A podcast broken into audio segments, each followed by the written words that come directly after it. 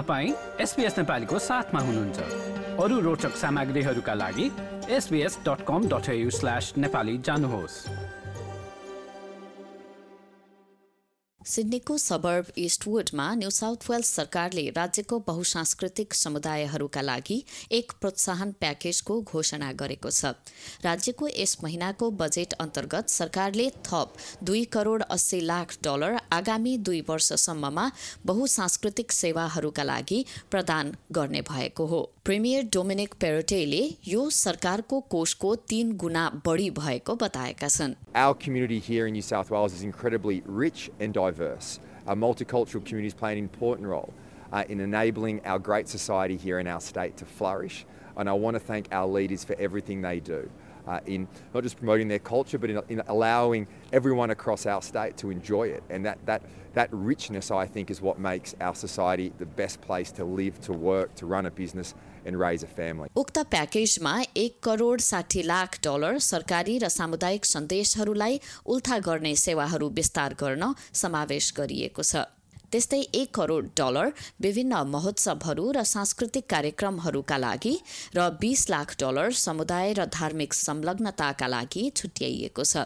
राज्यका बहुसंस्कृति मन्त्री मार्क कोरले प्याकेजले धार्मिक समुदायहरूको सल्लाहकार परिषद रिलिजियस कम्युनिटिज एडभाइजरी काउन्सिलको स्थापना पनि समेट्ने बताएका छन्। र उनी भन्छन् परिषदको स्थापनाबाट धार्मिक र विभिन्न आस्थामा आधारित सामुदायिक समूहहरूले आवाज पाउनेछन्। This will ensure that our religious and faith based and religious institutions will have a voice around the table, strengthening on the wonderful work that we've done already, ensuring that our religious and faith based community groups have that voice around the table to ensure that they are listened to as well. नयाँ बन्ने परिषदको उद्घाटनको अध्यक्षता गरेका पूर्व प्रहरी उपायुक्त निक काल्डसले बहुसांस्कृतिक सल्लाहकार बोर्डमा पनि सोही पद लिँदैछन् Communities across the board in New South Wales have had a rough couple of years floods, fires, COVID, and I think community cohesion and, and harmony has never been more important. And I look forward to playing a small part in that as we go forward with all of this. काल्डसको पहिलो काम भनेको धार्मिक परिवेशमा सुरक्षाको विषयलाई समीक्षा गर्नु हुनेछ जसमा मस्जिदहरू र गिर्जाघरहरू पनि पर्नेछन् In relation to security, um, we're simply going to advise the government about what the communities are feeling on the ground uh, and if there are issues that are bubbling along. Um, uh, we, we hope to take a longer term view as well.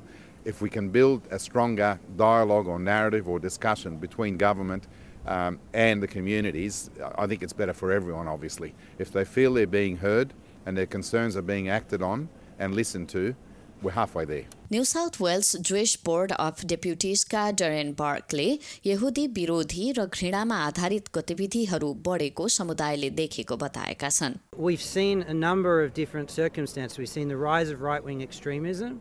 We have seen, especially during COVID, a rise in anti Semitism in terms of the uh, online, uh, but that has translated uh, into actions that have taken place uh, at places of worship. So we've seen uh, the Hakenkreuz, the Nazi swastika, put up at our faith institutions, uh, and that's an intimidating and certainly a deterrent uh, for people to attend and to feel comfortable interacting with society. Australian national imams काउन्सिलका अध्यक्ष इमाम साहदी अल सुलेमानको पनि त्यस्तै कथा छ Within the Muslim community, especially post Christchurch and what happened in New Zealand, which is not far away from us, there has been a rise of concerns within uh, faith based institutions, mosques, Islamic centers, schools.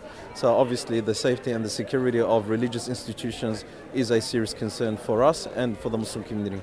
COVID उन्नाइसको समयमा स्वास्थ्य सम्बन्धी सन्देश समुदायहरूमा प्रवाह गर्न बहुसांस्कृतिक र आस्थाका नेताहरूले भूमिका खेलेका कारण सो package ल्याइएको हो। राज्य सरकारले सिडनीका विविधताले भरिएका पोस्ट कोडहरू वा स्थानहरूलाई अरू क्षेत्रहरूलाई भन्दा कडाई गरेको भन्दै निकै आलोचना भएका थिए। यसमा लकडाउन सम्बन्धी नियमहरू पनि परेका थिए। तर प्रिमियर डोमिनिक पेरोटेले उक्त समयमा सरकारले चालेको कदमको बचाउ गरेका छन्।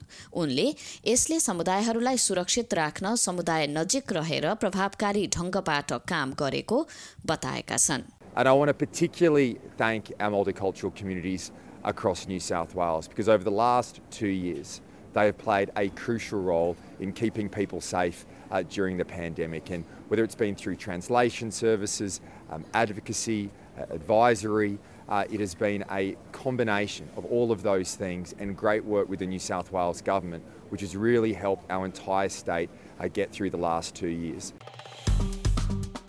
Like share र कमेन्ट गर्नुहोस्। एसपिएस नेपालीलाई फेसबुकमा साथ दिनुहोस्।